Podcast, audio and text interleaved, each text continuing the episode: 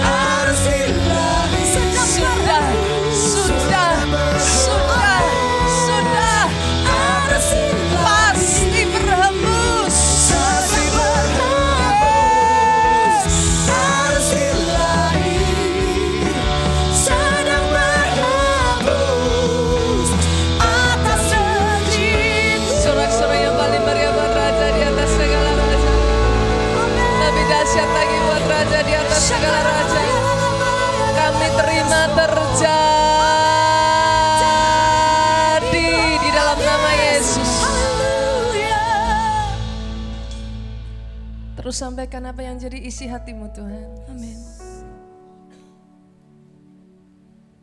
Terus sampaikan apa yang menjadi kerinduanmu.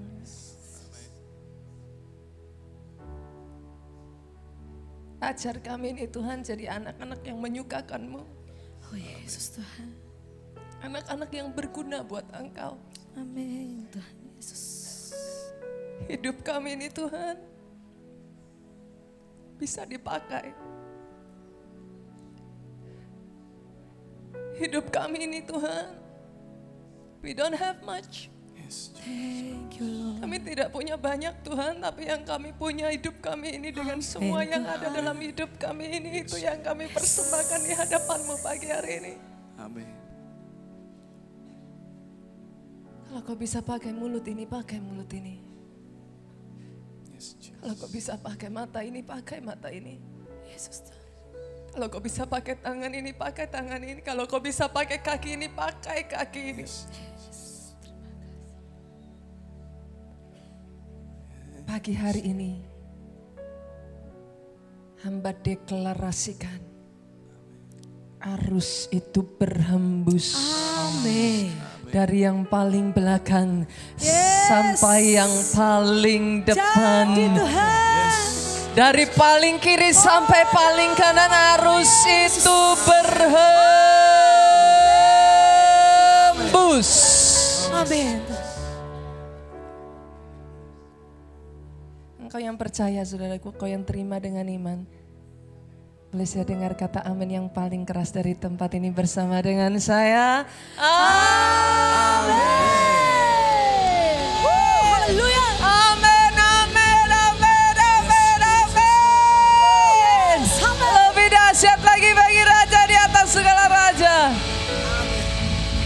Wow, lihat kiri kananmu jabat tangannya, katakan Yesus kita dahsyat.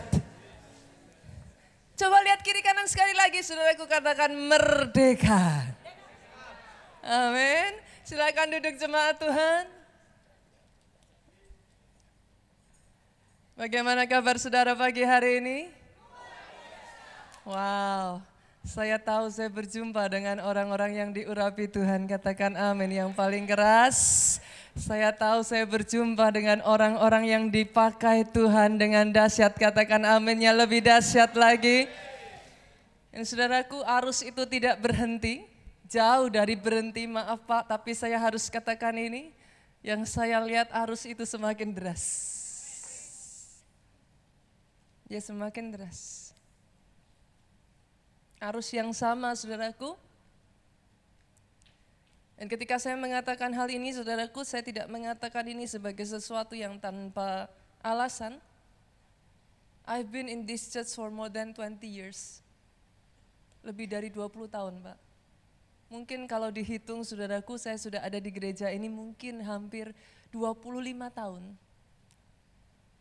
Since I was so little, sama-sama orang Solo ya Pak. Since I was very little. Saya masih sangat kecil saudaraku. Almost 25 years. Tapi izinkan saya mengatakan ini selama 25 tahun saya ada di gereja ini saudaraku, I've seen a lot. Saya mengalami begitu banyak pengalaman-pengalaman di gereja ini saudaraku dan saya mengucap syukur. Saya hanya mengenal satu gereja saudara.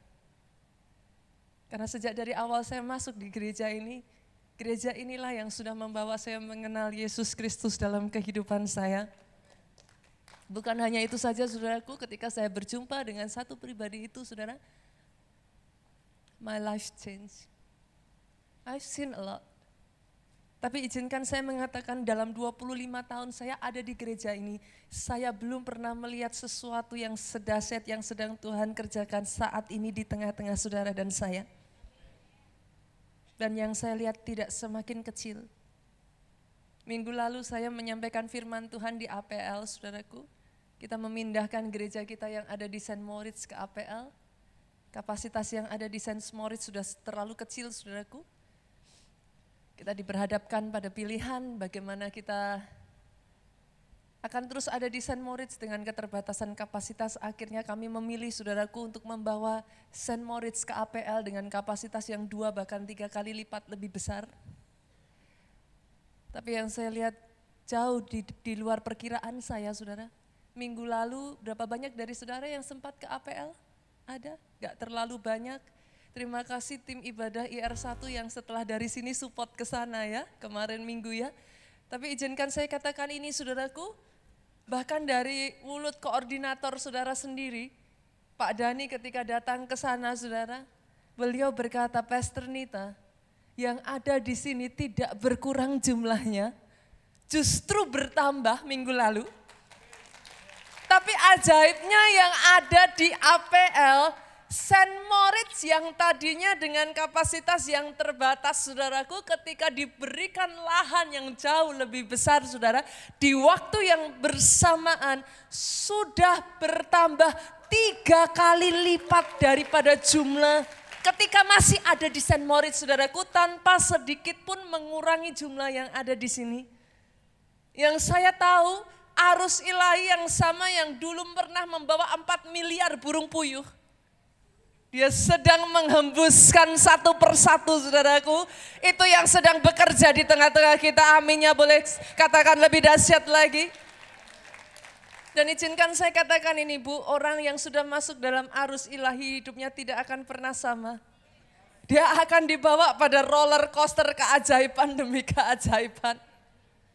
Yang tadinya hidupnya terus kalah saudara yang tadinya rasanya ya memang orang Kristen, orang Kristen harus kakinya napak di bumi ini. Orang Kristen ya orang Kristen, tapi mujizat kayaknya susah. Tapi dengar baik ketika kau izinkan dirimu masuk hanyut di bawah arus ini saudaraku. Memang masalahnya tidak hilang. Karena Tuhan tidak pernah menjanjikan tidak ada masalah Pak. Sejak kapan Tuhan menjanjikan tidak ada masalah? Masalahnya tetap ada. Tapi masalah adalah satu materi yang dipakai Tuhan saudaraku. Untuk mengadakan mujizat yang jauh lebih dahsyat lagi. Dan kembali sekali lagi pujian kemuliaan itu hanya bagi dia saja. Minggu lalu saya ceritakan saudaraku, arus yang sedang berhembus ini bekerja dengan tanpa batasan saudara. Seorang bapak yang Salah satu keluarganya ada di kota Solo, saudaraku. Kakaknya ada di Semarang, maaf saudaraku, berasal dari kepercayaan yang berbeda. Tapi adiknya ini saudara melihat keadaan kakaknya didiagnosa oleh dokter saudaraku. Kanker stadium 4 out of nowhere. Kakaknya depresi, Bu. Ini yang mereka mereka berasal dari keluarga yang kaya, Pak. Keluarga yang mampu. Ini yang kakaknya katakan kepada adiknya, apa gunanya semua hartaku? Tidak ada yang bisa memberikan kesembuhan. Tapi adiknya memberanikan diri berkata kepada kakaknya, datang ke Solo. Ada miracle night service. Datang. Saudara tahu di tengah keadaan depresi kakaknya saudaraku, di tengah keadaan yang terpuruk dan tidak ada jawaban, dia tidak bisa menemukan jawaban. Stadium 4 itu adalah vonis yang tidak gampang saudara. Datang ke kota Solo, ikut miracle night service saudaraku, dengan anugerah Tuhan, Tuhan pakai siapa saja saudara. Berapa banyak dari saudara mengerti mujizat-mujizat yang terjadi saat ini bukan pakai satu, dua, tiga hamba Tuhan, no. Tangan siapa pun. Saya masih ingat kesaksian dokter Meli dan Pak dokter Jun ya. Kemarin juga mengalami tangan siapa pun, nggak peduli saudara. Tuhan pakai tangan siapa pun. Tapi tahukah saudara apa yang terjadi? Bapak ini datang saudaraku berjumpa dengan Pak Obaja, didoakan oleh Pak Obaja pulang. Tidak berapa kemudian keluarga membawa untuk ke Penang saudaraku. Cek diagnosa total. Dari Penang hasil keluar dinyatakan apa saudaraku? Bersih total. Sudah sembuh. Sudah sembuh arus itu tidak semakin kecil, arus itu tidak hanya akan menghanyutkan satu, dua, tiga orang. Kalau ada iman yang cukup, saudara masuk dan terjun di dalam arus itu. Lihat, arus itu akan menjungkir balikan kehidupan saudara. Dan melihat Yesus Kristus nyata saudaraku. Dan kabar baiknya saudara pagi hari ini, saya ingin mengatakan kepada saudara dan itu yang akan saya deklarasikan pagi hari ini. Bersamaan dengan arus itu Pak, open door dia kerjakan. Itu judul firman Tuhan yang saya bawakan pagi hari ini, pintu terbuka. Open door. Bersamaan dengan arus itu yang tadinya sudah tertutup, yang tadinya tidak ada jalan saudaraku, arus itu akan mencari celahnya. Dia memastikan pintu terbuka atas hidup saudara di dalam nama Yesus. Saat ini aku deklarasikan pintu-pintu yang tertutup dibukakan di dalam nama Yesus. Buka Alkitabnya saudaraku, kita lihat di dalam 2 Korintus pasalnya yang kedua. 2 Korintus pasalnya yang kedua, ayatnya yang ke-12. Ini yang dikatakan oleh Rasul Paulus, saudara. Satu ayat saja yuk kita baca sama-sama dua tiga. Ketika aku tiba di mana Troas untuk memberitakan Injil Kristus, aku dapati bahwa Tuhan telah membuka jalan untuk pekerjaannya di sana. Tuhan telah membuka jalan untuk kehidupan saudara. Tuhan telah membuka jalan untuk masalah saudara. Dari apa yang kita baca ini saudaraku, saudara bisa melihat sesuatu yang jelas. Kata-kata yang dipakai sangat jelas saudaraku. Tuhan telah membuka jalan. Artinya saudaraku bukan dari pihak kita Pak. Bukan dengan cara kita Bu. Bukan kita yang paksakan. No, no, no. Bukan kita yang berusaha dengan semua kekuatan kita. Tapi hari ini saya membawa kabar baik Pak. Tuhan yang buka jalan. Tuhan yang sudah membukakan jalan yang tadinya tertutup. Dan bukan hanya itu saja saudara, kalau saudara baca dalam kitab bahasa Inggrisnya maka di sana dikatakan the door was open. Hari ini kalau saudara datang di tempat ini dan yang kau lihat pintu tertutup. Hari ini kalau kau datang di tempat ini dan kau terus masih berpikir pintunya masih tertutup. Hari ini kalau kau datang di tempat ini dan engkau masih terus berkata pastor, tapi pintunya masih tertutup, izinkan saya mengatakan ini kepada saudara. Lihat sekali lagi Pak. Karena sekali lagi kau lihat. Pintu itu sudah dibukakan. Saya tidak mendengar tepuk tangan yang paling meriah dari tempat ini. Tepuk tangannya lebih dahsyat lagi buat Yesus Tuhan kita. Karena pintu itu sudah terbuka. Yang tadinya hati-hati yang tertutup saudaraku. Halo? Berapa banyak dari istri-istri di tempat ini yang kau berkata, Pastor, pintu hati suami saya tertutup. Pastor, pintu maaf itu sudah tidak ada lagi. Pastor, pintu pengharapan itu sudah tidak ada lagi.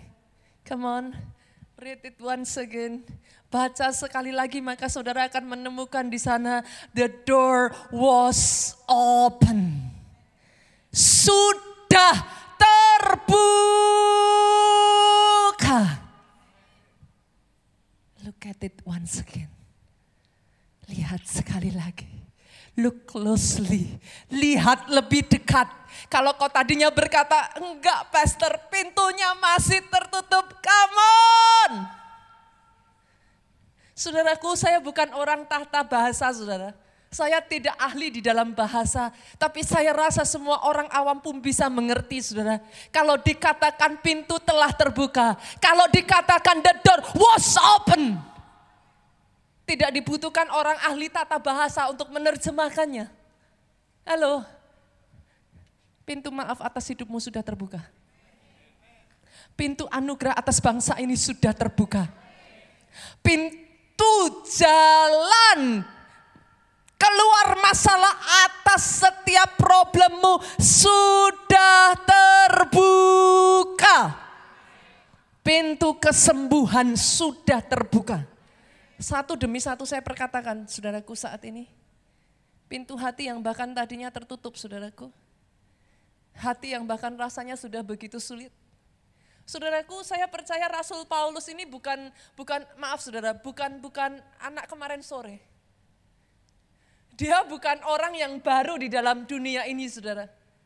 Dia orang yang sudah melanglang, melanglang buana, saudara, di dalam hal ini. Dia terjun di dalam pelayanan ini, saudaraku. Dia orang yang sudah mengalami begitu banyak hal, saudara.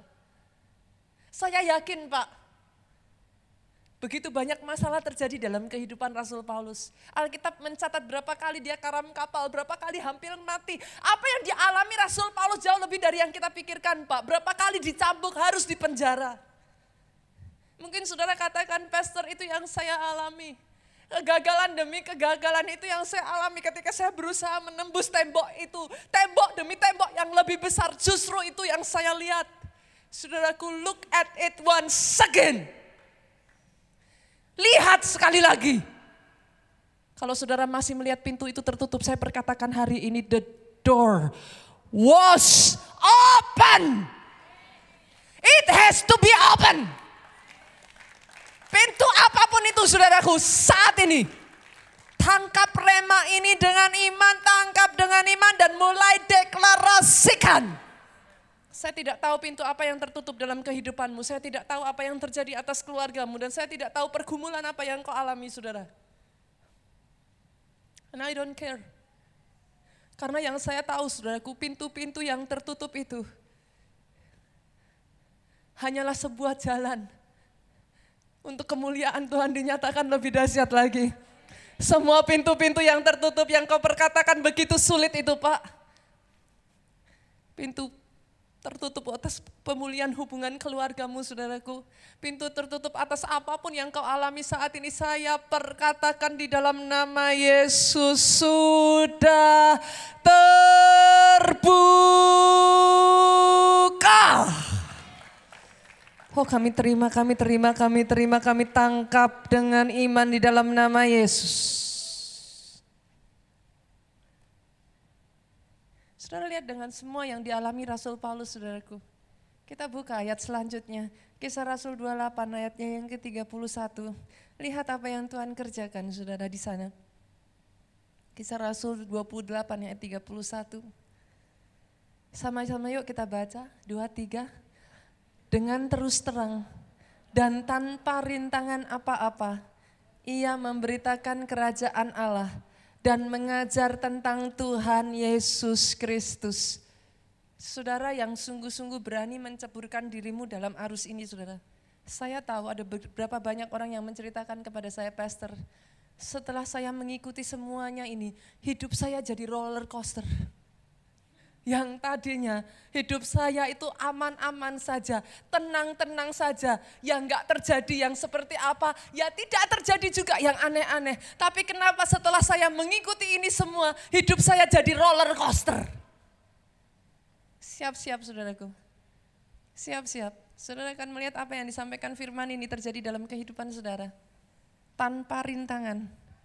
Tanpa rintangan tanpa rintangan. Begitu saja saudara temukan. Bahkan ketika kau ceritakan tentang Yesus, tanpa rintangan, begitu saja menjawab, yes, oke, okay, mau, terima. Oh saya nggak dengar kata amin dari tempat ini.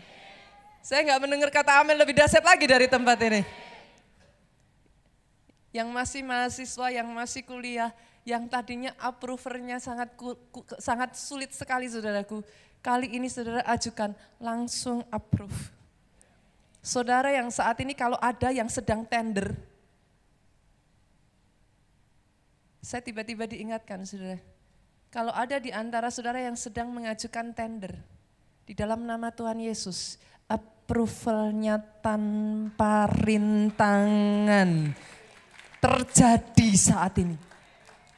Kalau saudara ceburkan dirimu dalam arus ini ya saudara, saudara akan melihat yang mengerjakan bukan kita, tapi dia.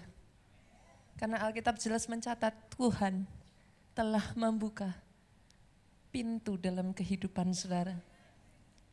Beberapa waktu yang lalu saudaraku seorang pelayan Tuhan gereja kita saudara bersaksi dari kota Jogja saudara. Saya mendengar kesaksiannya dan saya sangat diberkati sekali saudara hal ini terus terjadi, saudaraku kebetulan salah satu dari murid kami, staf gembala yang ada di kota Jogja, saudaraku. Dia adalah seorang anak dari, jadi anak pendeta, saudara. Dia pindah ke kota Jogja, saudara menikah dengan orang Jogja. Kebetulan menikah dengan suaminya sama-sama satu jemaat, saudaraku, sama-sama pelayan Tuhan tetapi latar belakang keluarganya ini masih sangat kuat adat istiadatnya saudaraku. Bukan hanya itu saja saudara, masih sangat kuat saudaraku memegang kepercayaan mereka. Ketika saudara bisa bayangin deh anak Tuhan masuk ke keluarga ini begitu berat saudaraku. Banyak sekali um, apa ya saudaraku hal-hal yang tidak mungkin mengenakkan. Bahkan setiap kali gerak-geriknya seolah-olah diawasin yang orang Kristen beginilah, yang orang Kristen begitulah. Enggak gampang saudara tapi tahukah saudara satu ketika saudaraku diberikan sebuah kabar saudara paman dari pelayan Tuhan kita ini saudaraku ada sudah ada di titik yang paling bawah. Keluarga semuanya saudaraku sudah sudah dikumpulkan saudara. Dan begitu berat saudara karena keluarga ini masih berasal dari kepercayaan yang lain. Mau jenguk saja tidak diizinkan tadinya saudaraku. Tetapi tahukah saudara ketika angin arus ilahi itu berhembus saudaraku yang tadinya enggak bisa, yang tadinya enggak mungkin, yang seolah-olah bertahun-tahun justru melawan saudaraku. Secara ajaib saudara, justru diberikan jalan, bukan hanya diberikan jalan dari keluarga meminta saudara untuk mendoakan, diizinkan masuk karena sudah posisi ada di IGD saudaraku. Dari keluarga mengizinkan mendoakan saudara, dan ketika didoakan yang ajaibnya, salah satu staf gembala kita ini didorong, ditanya, mau enggak terima Yesus? Di akhir-akhirnya saudaraku dalam keadaan seperti ini saudara, ketika ditanya mau enggak terima Yesus, tidak ada rintangan, tidak ada halangan, langsung dijawab dengan jelas, yes, mau terima Yesus saudaraku. Saat itu juga didoakan menerima Yesus saudara, Kadangkala saudara pernah nggak yang ngalami seperti ini ya? Diizinkan Tuhan tiba-tiba kondisinya membaik begitu rupa saudaraku. Yang tadinya sudah terbaring tidak bisa berbuat apa-apa, bisa bangun saudara. Ternyata itu waktu yang dipakai untuk memberikan pesan-pesan terakhirnya saudaraku. Keesokan harinya sudah dipanggil pulang. tetapi sudah menerima Yesus sebagai Tuhan dan Juru Selamat dalam kehidupannya. Dan rupa-rupanya yang lebih dahsyat lagi bukan hanya itu saudaraku. Satu keluarga yang tadinya masih dari kepercayaan yang berbeda dengan semua adat-adatnya saudaraku. Ternyata di waktu terakhir ketika bangun kembali ini saudaraku. Satu kesempatan tiba-tiba seperti bangun dan sehat kembali. Saudara tahu pesan terakhir yang diberikan apa kepada satu keluarga? Dia mengatakan, dia kepingin mendengar keponakannya itu berkhotbah, saudara. Dan dia berkata, kalau aku dipanggil pulang, pastikan semuanya harus dilakukan seperti kepercayaanku yang baru. Aku sudah menerima Yesus sebagai Tuhan dan Juru Selamat. Satu keluargaku, dia mengajak saudaraku, satu keluarganya untuk melakukan hal yang sama. Dan sungguh ketika dia dipanggil pulang saudara, istrinya menyampaikan kepada keponakannya ini saudara. Tolong kamu yang berkhotbah. Om pengen, pesan terakhir om. Om pengen dengar kamu yang berkhotbah jadi sungguh saudaraku, gereja keluarga Allah di kota Jakarta yang melayani semua prosesnya saudara sampai selesai satu keluarga itu dibawa mengenal Yesus sebagai Tuhan dan Juru Selamat dalam kehidupan mereka. Boleh saya dengar tepuk tangannya yang lebih dahsyat lagi buat Yesus Tuhan kita. Arus ilahi yang sedang Tuhan kerjakan tidak mengenal batasan saudara. Bahkan beberapa waktu yang lalu saudaraku, salah satu staf gembala kami yang lain, saudara mengalami hal yang sama di kota Jogja. Kebetulan saya sendiri mendapat satu kehormatan saudara untuk menyaksikan satu hal ini saudara. Setelah ini saya akan minta dari tim media boleh dipersiapkan. Kita akan mendengar kesaksian saudaraku bagaimana satu keluarga besar setelah bertahun-tahun belasan saudara bahkan puluhan tahun tidak bisa diajak saudara. Tapi kali ini mereka begitu saja pintu itu terbuka dari media sudah siap? Boleh dibantu? Oke, terima kasih.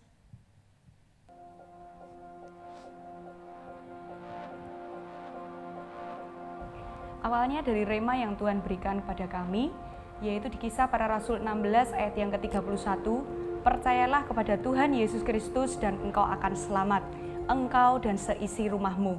Artinya satu orang diselamatkan, seisi keluarganya pasti diselamatkan. Itu yang menjadi iman kami berdua. Bahkan doa kami, keluarga kami diberkati oleh Tuhan, keluarga kami dipakai oleh Tuhan, bahkan melalui keluarga kami. Keluarga besar itu mengalami kasih Yesus sehingga mereka menerima anugerah keselamatan yang dari Tuhan. Kurang lebih sekitar tiga bulan yang lalu, Bapak saya mengalami sakit perut bagian bawah. Diagnosa dokter pertama kali prostatnya membesar. Kita lakukan yang terbaik, tetapi uh, sakit perutnya tidak kunjung sembuh. Kita periksakan untuk yang kedua kalinya dan dokter mendiagnosa bahwa papa terkena kanker usus besar stadium 4. Kita lakukan operasi untuk mengangkat kanker di usus besarnya dan puji Tuhan operasi berjalan dengan baik. Setelah selang beberapa waktu papa pulang tetapi kondisi papa semakin drop. Setelah kita konsultasikan lagi kankernya itu sudah menjalar ke liver atau ke hati.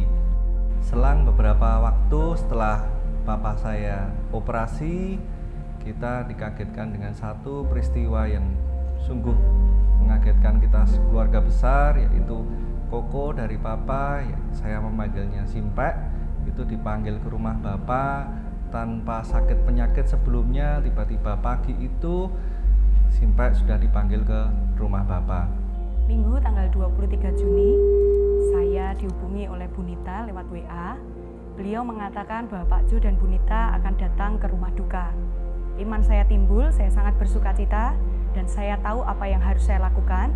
Saya menginfokan kabar itu pada keluarga besar dari Simpe dan keluarga besar dari suami untuk Pak Jo dan Bunita mau mendoakan. Malam itu malam yang luar biasa. Satu persatu dari anggota keluarga baik dari Simpe maupun dari suami datang dan mereka rindu tanpa paksaan, mereka mau didoakan.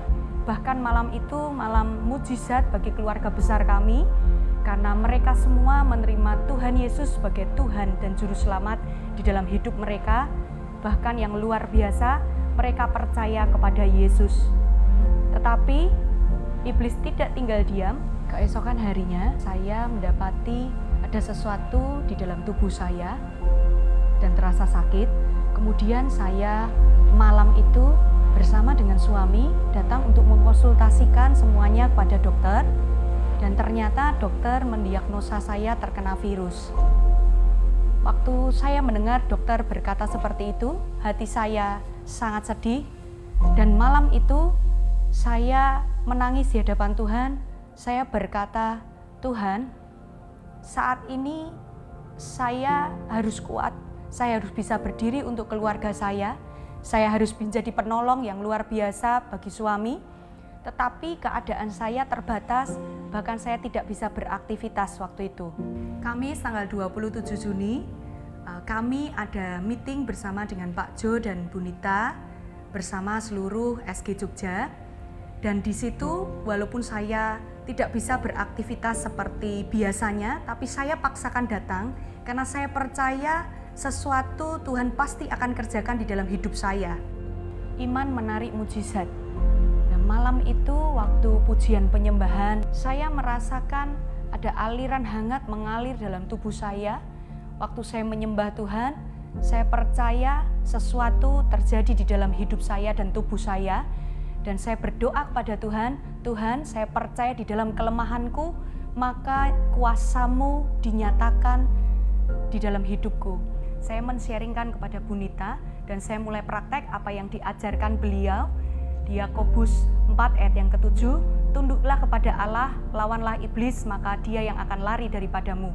Itu saya imani, saya mulai perkatakan dengan perkataan profetik, saya memberkati tubuh saya, saya tumpang tangan, saya berdoa, saya perkatakan tubuh saya tubuh yang sehat, tubuh yang kuat, tidak ada virus apa pun, dan saya percaya ada pagar malaikat Tuhan menjagai di dalam hidup saya, keluarga besar saya, dan saya percaya kemenangan Tuhan berikan di dalam hidup saya. Puji Tuhan, Tuhan yang Allah kita sembah adalah Tuhan yang setia, dia menepati janjinya dan hasil lab yang dinyatakan awalnya saya terkena virus, virus itu tidak ada, virus itu hilang dan semuanya normal, sehat. Tidak hanya keluarga besar menerima Tuhan Yesus sebagai Tuhan dan Juru Selamat, tetapi saya pribadi mengalami anugerah kesembuhan yang dari Tuhan. Tuhan luar biasa, Tuhan Yesus memberkati. Mari saya mengajak kita semua berjuang bersama-sama di dalam Tuhan. Saya percaya di dalam Tuhan Yesus tidak ada yang mustahil. Di dalam kondisi apa pun, kita saat ini tetap pegang firman-Nya, tetap pegang janjinya. Saya percaya apa pun masalah di dalam kehidupan kita, Tuhan pasti akan memberikan jalan keluar, Tuhan pasti akan memberikan mujizat di dalam kehidupan setiap kita. Tepuk tangannya lebih meriah buat Yesus Tuhan kita. Saudaraku untuk setiap rema selalu ada tindakan profetiknya. Masih ingat saudaraku? Semua rema satu persatu yang Tuhan berikan atas gereja kita, saudara, ketika saudara melakukan tindakan profetik, terjadi begitu saja anugerah Tuhan. Masih ingat rema yang pertama Tuhan berikan sejak dari akhir tahun lalu, saudaraku? bulan Oktober saya masih ingat waktu itu kita ada di India dalam perjalanan di bis saudaraku. Tuhan memberikan rema yang sangat jelas sekali. Buka sebanyak mungkin parit-parit. Tindakan profetik yang Tuhan rindukan kita kerjakan di tengah-tengah kita adalah pondok Daud. Semakin banyak pondok Daud dibuka, semakin banyak Tuhan kerjakan karyanya yang ajaib saudara. Dan itu ditepati saudara. Terus menerus Tuhan kerjakan. Lalu bulan Februari kemarin masih ingat benih profetik. Saya mendengar begitu banyak kesaksian ketika mereka melangkah dengan iman menaburkan benih profetik. Sampai detik saat ini saudaraku. Saya masih mendengar kesaksian demi kesaksian yang saya tahu saya nggak bisa saksikan satu persatu waktunya akan terbatas sekali. Terus terjadi ketika mereka taburkan benih profetik terjadi begitu saja. Masih ingat bu, uh, bu, bulan ketiga Maret saudara.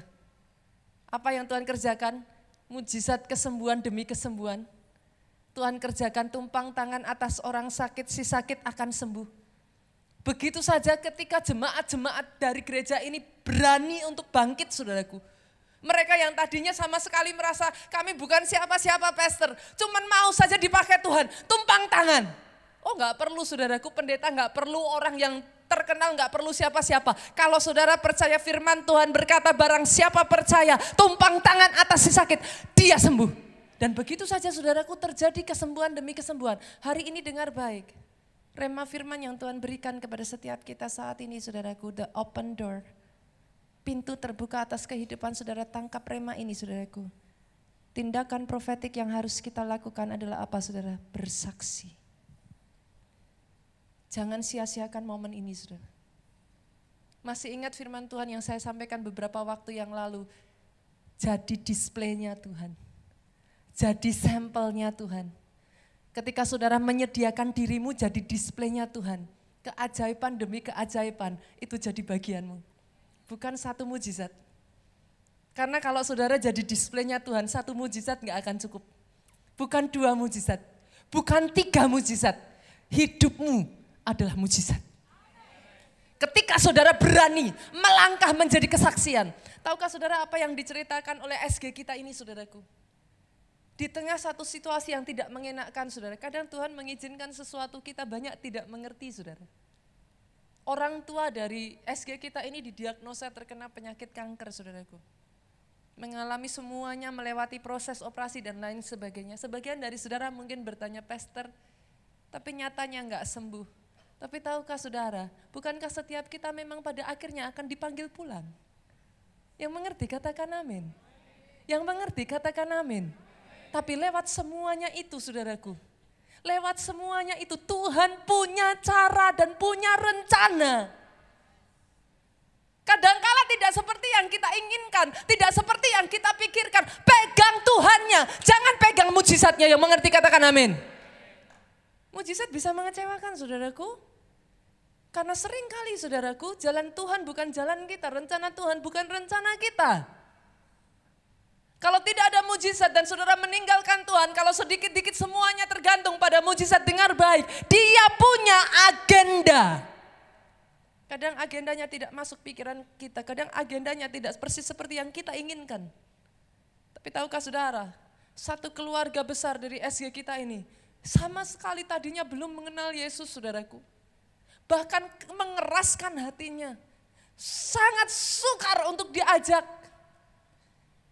Pas saya sendiri juga heran saudara, pada saat itu saya posisi ada di Jogja. Saya katakan kepada suami saya, saya jujur posisi capek saudaraku, setelah khotbah seharian penuh saudara.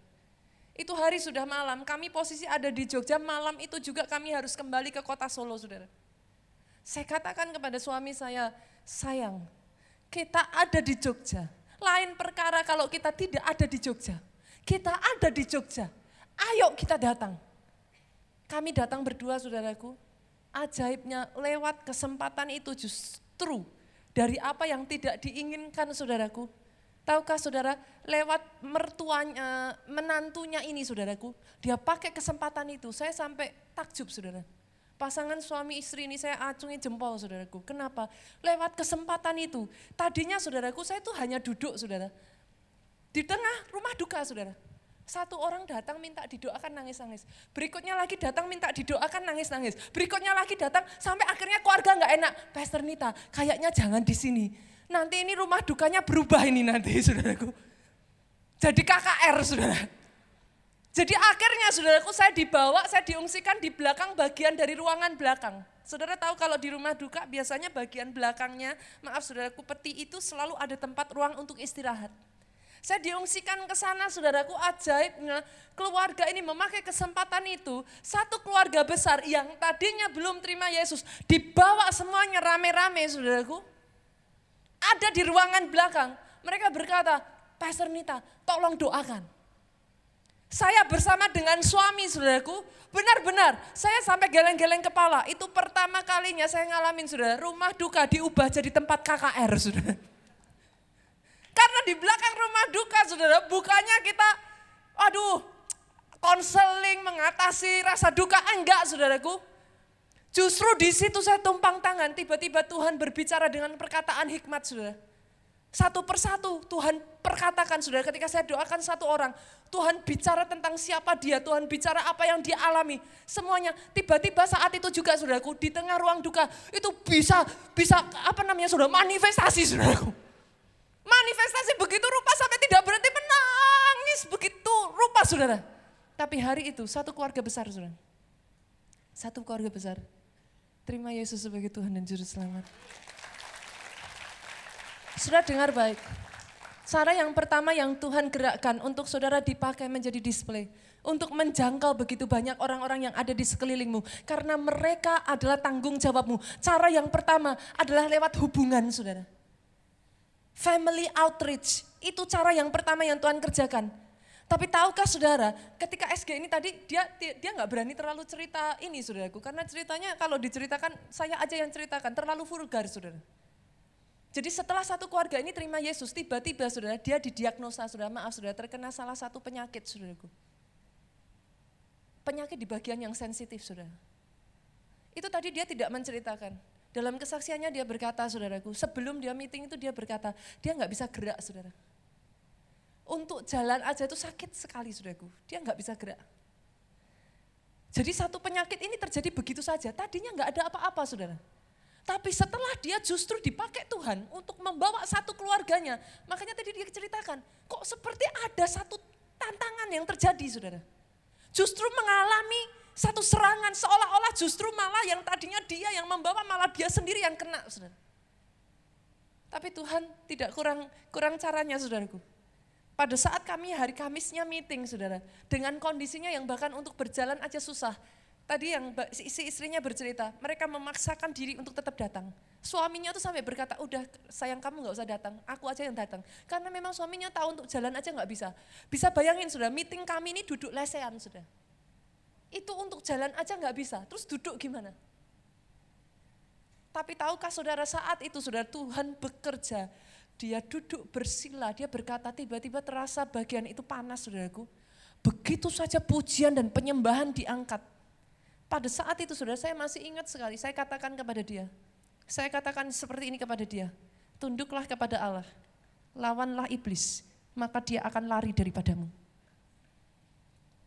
Ketika janji Tuhan yang ada di dalam kehidupanmu, engkau menyadari itu janji Tuhan dan engkau ambil alih dengan kuasa, dengan power. Siapa kira sih saudaraku? Jangan berharap iblis akan senyum-senyum saja dan berkata, monggo kerso silahkan, jangan harap saudara. Dia akan lawan sekeras tenaganya. Dia akan lawan sebisanya.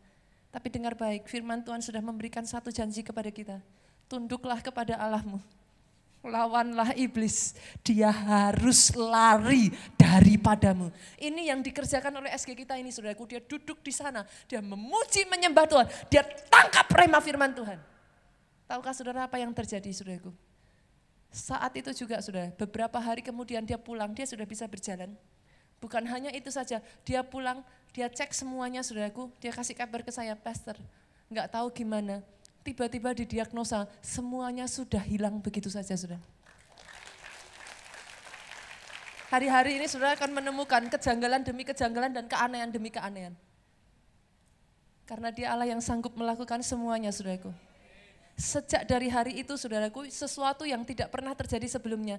Lewat keluarga ini saudara, sekarang dia bercerita kepada saya, satu keluarga besarnya sebulan sekali selalu berkumpul bersama-sama, memuji menyembah Tuhan. Setiap hari minggu mereka beribadah bersama-sama di gereja kita saudaraku. Tepuk tangannya lebih dahsyat lagi. Tepuk tangannya lebih dahsyat lagi. Tepuk tangannya lebih dahsyat lagi buat Yesus Tuhan kita. Katakan kiri kananmu, keluargamu adalah tanggung jawabmu. Jangan lepas tanggung jawab saudaraku. Tuhan berikan mereka kepada saudara. Itu tanggung jawabmu. Yang kedua, bagaimana caranya saudaraku? Yang kedua yang Tuhan mau kerjakan, bukan hanya penjangkauan atau orang-orang yang ada di sekelilingmu, keluargamu. Tapi yang Tuhan inginkan saudaraku melalui kesaksian. Halo, coba senggol kiri kanan, sudah bersaksi atau belum?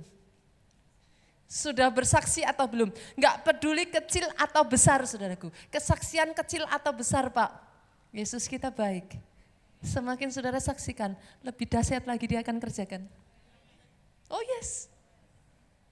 Saudara kalau punya anak, Pak, sama-sama dikasih mainan, Yang satu dikasih mainan nadanya datar. Eh, ya, eh, thank you papi. Sama-sama dikasih mainan, yang satu jingkrak-jingkrak lompat-lompat. Ah! Kira-kira saudaraku, cerita ke kiri, cerita ke kanan. Eh, beli ini nih, papi beli ini nih, papi beli. Kira-kira saudara, saudara akan lebih seneng sama yang mana saudaraku, yang datar atau yang ekspresif. Yang bercerita ke kiri dan ke kanan. Menceritakan kalau papinya baik, sudah mengerjakan ini dan itu, yang mana saudara? Yang seperti ini, kalau saudara jadi orang tuanya, saya jamin saudara, besok-besok lagi nggak usah minta, dibelikan lagi hanya demi lihat ekspresinya.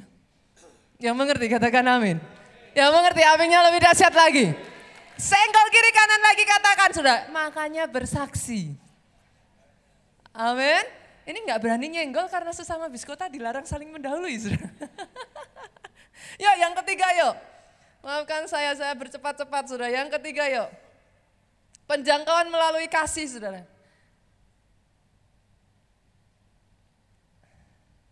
Saya berdoa saudaraku.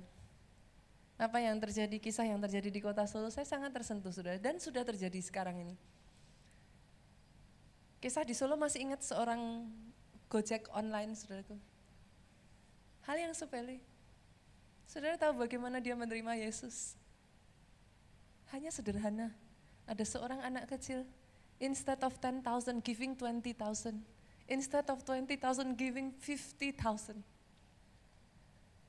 Halo, kebaikanmu menyentuh saudara. Yang lebih ajaibnya lagi, dia nganter lagi ke Klaten, sama-sama gereja keluarga Allah, ternyata nganter paket sekolah minggu saudara.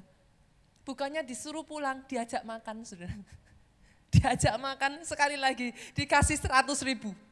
Dia sampai tergeleng-geleng, dia nggak bisa berkata apa-apa. Dia cuma mikir, ini semua benang merahnya satu kata. Satu, satu, satu nama saudara, benang merahnya. GBI keluarga Allah katanya. Dicari saudaraku, masuk ke gereja kita, terima Yesus sebagai Tuhan dan Juru Selamat dalam kehidupannya. Satu kebaikan itu penting. Minggu yang lalu di APL saya ceritakan, si tukang gojek yang sederhana ini saudara, yang tadinya seribu rupiah aja di kantongnya nggak punya. Di akhir cerita kalau saudara dengar kisahnya saya sampai ketawa kepingkal-pingkal saudara. Kenapa? Ya itu orang Solo banget saudaraku. Sederhana sekali, dia ngomong dengan begitu sederhana sekali. Dia ngomong ya kalau sekarang yang tadinya seribu perak aja nggak punya, sekarang ya satu juta ada di kantong saya. Tapi saudara tahu orang yang sama saya baru aja mendengar kesaksiannya beberapa minggu yang lalu, saudara kemarin ini tepatnya saya saksikan di APL saudaraku. Tahu orang yang sama yang berkata seribu perak aja nggak punya. Baru-baru saja menyaksikan diberikan anugerah Tuhan keliling Eropa saudaraku. Bukan hanya keliling Eropa yang tadinya saudaraku dia ajak ke gereja itu sampai diusir dari rumah oleh orang tuanya saudara. Bukan satu hal yang mudah. Baru saja saya mendengar satu kabar yang membuat saya hampir menangis. Satu keluarga dibawa ke gereja kita menerima Yesus sebagai Tuhan dan Juru Selamat. Halo, izinkan saya berkata kebaikanmu berkenan di hadapan Tuhan. Minggu yang lalu kesaksiannya masih ingat? Dimulai dari apa saudara? Hanya bawain roti sama obat. Masih ingat kesaksiannya? Seorang bapak-bapak yang dalam keadaan terluka parah. Dia dipikir pakai sorban saudara, ternyata itu adalah perban yang membebat seluruh kepalanya karena terluka saudaraku. Dia yang tadinya apa, eh, jijik dengan darah saudara. Tapi memberanikan diri bawa roti, bawa makanan, bawa obat. Justru didoakan bapak itu saat didoakan saudaraku, Bapak itu meneteskan air matanya, menangis. Dia justru berkata, aku mau terima Yesus. Saat itu juga menerima Yesus sebagai Tuhan dan Juru Selamatnya saudara. Dibawa ke gereja kita saudaraku, maaf saudara karena kondisinya mungkin sebagai seorang pemulung dan lain sebagainya. Dibawa ke gereja kita oleh gereja kita dimandikan saudaraku, dibersihkan. Diberikan bekal saudaraku, hidupnya berubah sekarang sudah ada di kota Solo menerima Yesus sebagai Tuhan dalam kehidupannya. Di sini juga sama saudaraku beberapa waktu yang lalu Arben ya dalam gerakan tim kita saudaraku M1 M1 itu dalam gerakan tim-tim kita bersama-sama untuk menjadi berkat saudara. Sederhana, kita cuma punya kerinduan apa sih saudara? Sederhana sekali, memanusiakan manusia. Apakah itu terlalu susah saudara? biarlah mereka itu tetap manusia. Mereka berada dalam keadaan terpuruk, saudaraku, tapi di mata Tuhan mereka tetap manusia yang berharga dan precious. Setiap hari Jumat, saudara mereka dari jam 9 malam mereka berkeliling, saudaraku, di sekitar kota Jakarta ini, saudaraku. Mereka mencari orang-orang yang ada di dalam keadaan-keadaan yang sudah sangat tidak manusiawi, saudara dan memberi sedikit pengharapan. Beberapa waktu yang lalu saya juga mendengar beberapa kesaksian ya Arben ya dari mereka teman-teman yang menerima Yesus sebagai Tuhan dan Juru Selamat di dalam kehidupannya. Tidak butuh cara yang susah saudaraku yang Tuhan inginkan dalam kehidupan saudara. Jadi Yesus buat mereka. Kalau orang kenal Yesus itu orang yang baik. Orang kenal Yesus itu kasih. Doa saya, anak-anaknya Yesus juga kasih dari hidup saudara-saudara, saudara-saudara, saudara-saudara di tempat ini. Kasih Yesus disebarkan atas kota kita. Kasih Yesus disebarkan atas Indonesia. Yang keempat saudaraku, saya boleh undang pemain musik maju ke depan. Yang keempat, ajak ke gereja saudara. Kita buka ayatnya, Lukas 14 ayat 22. Ini ayatnya ini unik sekali saudara. Lukas 14 ayat 22. Sama-sama yuk kita baca, 23. Kemudian hamba itu melaporkan, Tuhan, apa yang Tuhan perintahkan itu sudah dilaksanakan. Tetapi sekalipun demikian masih ada tempat 23. Lalu kata Tuhan itu kepada hambanya apa saudaraku? Pergilah ke semua jalan dan lintasan dan paksalah orang-orang yang ada di situ masuk karena apa saudara? Rumahku harus penuh. Tangkap ini saudaraku. Ini yang ngomong bukan saya sebagai pendeta, kalau yang ngomong sebagai pendeta, saya sebagai pendeta, saudara mungkin berkata, habisnya pendetanya yang ngomong. Enggak, saudara. Firman Tuhan jelas mengatakan dengan jelas. Kata paksakan ini saudaraku dalam bahasa aslinya bukan paksakan dipaksa dengan cara kasar, no.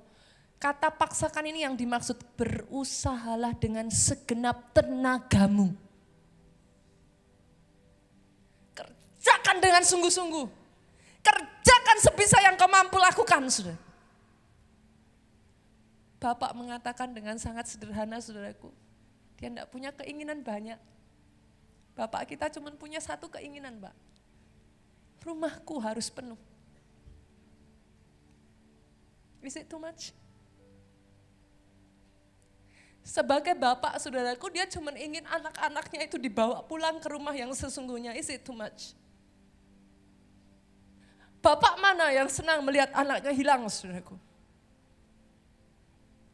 Saudara di sini yang adalah orang tua.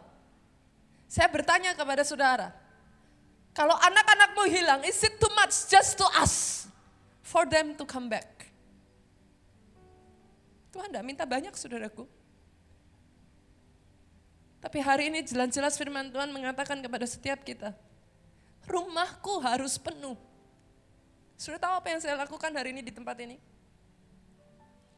Kenapa saya masih melakukan apa yang saya lakukan ini, saudaraku, despite everything? Karena satu kata-kata ini, rumahku harus penuh. Saya yang tadinya saudaraku hidup yang sudah seperti sampah bagi saya saudaraku. Hopeless, useless saudara. Tapi ketika saya pulang ke rumah bapak saya ini, saudaraku, saya didandani begitu rupa. Ketika saya pulang ke rumah bapak, apa yang tercatat di dalam Alkitab? Jubah itu diberikan, cincin itu diberikan, kasut itu diberikan, saudaraku. Kenapa saya melakukan yang saya lakukan sederhana? I don't want to be selfish. Saya tidak mau menikmati semuanya sendirian. Apa yang saya alami Pak?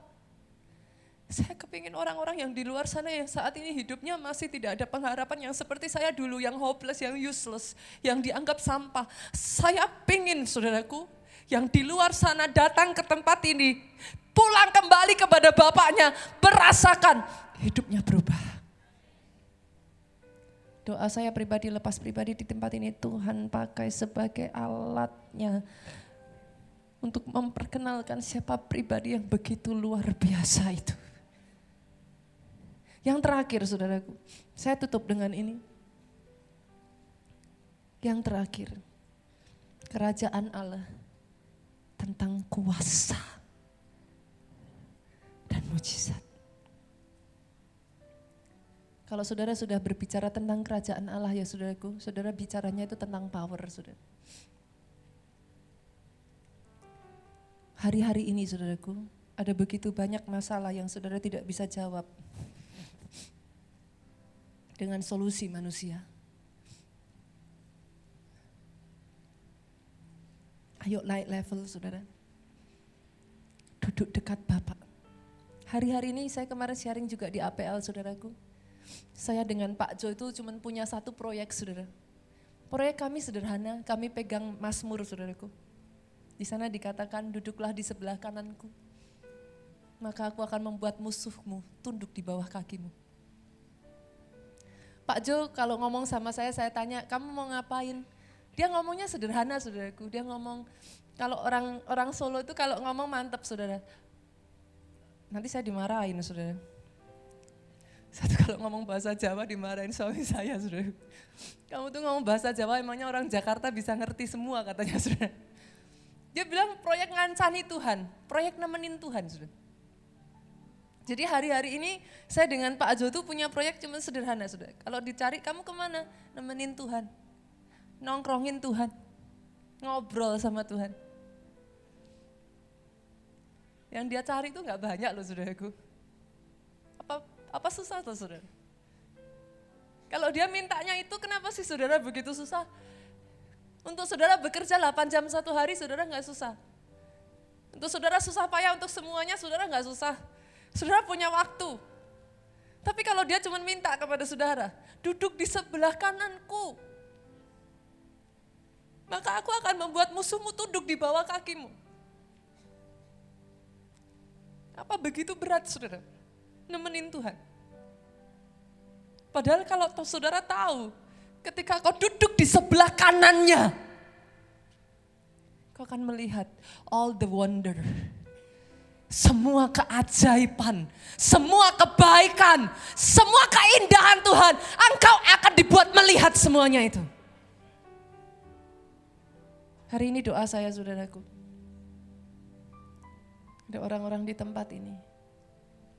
Gereja ini tidak mengajak saudara hanya ibadah, rutinitas dan liturgi saudaraku. Saya cuma minta satu aja. Ketemu Tuhan yang saya temui saudara. Itu aja. Saya cuma minta itu aja saudara.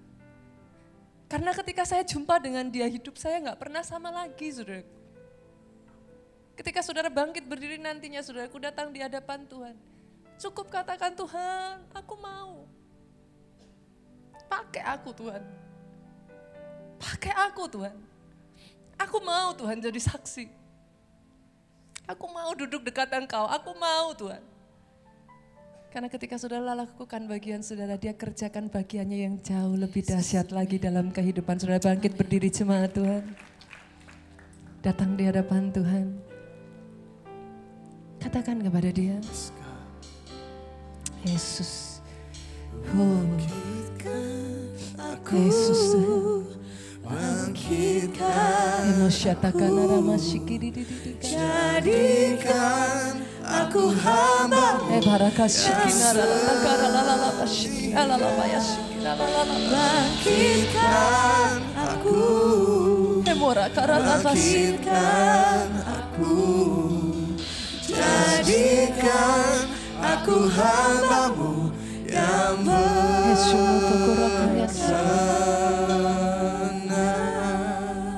Bolehkah kita tularkan virus ini saudaraku? Kepada setiap orang yang kau kenal. Biarlah mereka mengenal the true God.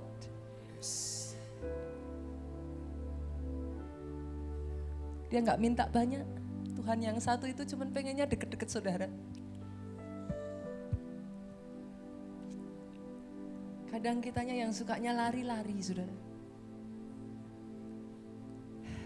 Kita pikir melakukan ini dan itu. Kita harus bekerja, harus saudaraku. Tapi sama seperti kau bekerja dengan keras. Berdoalah dengan lebih keras. Karena sesungguhnya di situ letak kemenanganmu. Yang dia inginkan engkau dekat-dekat dengan dia. Kalau ada di tempat ini, saudara jangan lihat kiri dan kanan. Ada orang-orang yang berkata, Tuhan, kalau yang lain tidak ada yang mau datang dekat-dekat itu sebabnya saudaraku banyak hamba Tuhan itu mengatakan saudaraku ruang maha kudus itu kosong. Pelatarannya penuh. Tapi ruang maha kudusnya sering kali kosong. Karena tidak banyak orang yang mau masuk ke ruang maha kudus saudaraku. Semuanya sukanya di pelataran aja. Semuanya sukanya di pinggir-pinggir aja saudaraku. Tapi hari ini saya tantang setiap saudara di tempat ini adakah orang-orang yang mau masuk dalam. Bukan hanya di pelataran, bukan hanya orang Kristen yang ada di pinggiran saudaraku. Bukan hanya orang Kristen yang hari ini kau masukkan kaki kananmu hanya untuk kau bisa tarik kaki kirimu dan lari daripada Tuhan lagi. Tapi orang Kristen yang memang kau berkata Tuhan ini hidupku aku dedikasikan hidupku untuk menjadi displaymu Tuhan. Kesaksianmu. Kalau ada orang-orang yang seperti ini, saudaraku, akan melihat open door. Amin. Pintu demi pintu, Amin, demi dalam pintu, nama demi Yesus. pintu, demi pintu, demi Yes. pintu, demi pintu, demi pintu. dalam nama Yesus. Itu dibukakan dalam kehidupanmu. Berapa banyak dari saudara yang rindu? Kalau kau rindu, saudaraku jangan lihat kiri kanan, angkat tanganmu datang di hadapan Tuhan kau yang bisa berbahasa roh. Kiratakan kara lalabaya syuti, kara.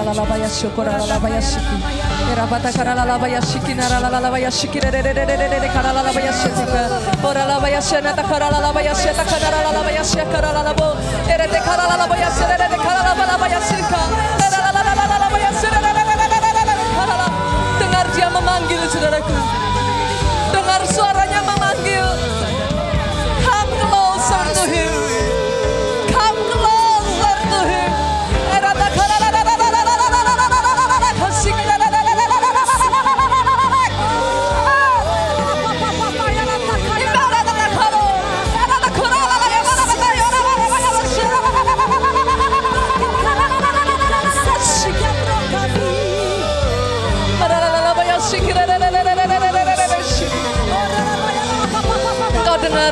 Dengar Tuhan, Engkau dengar Tuhan, Engkau dengar Tuhan, Engkau dengar Tuhan.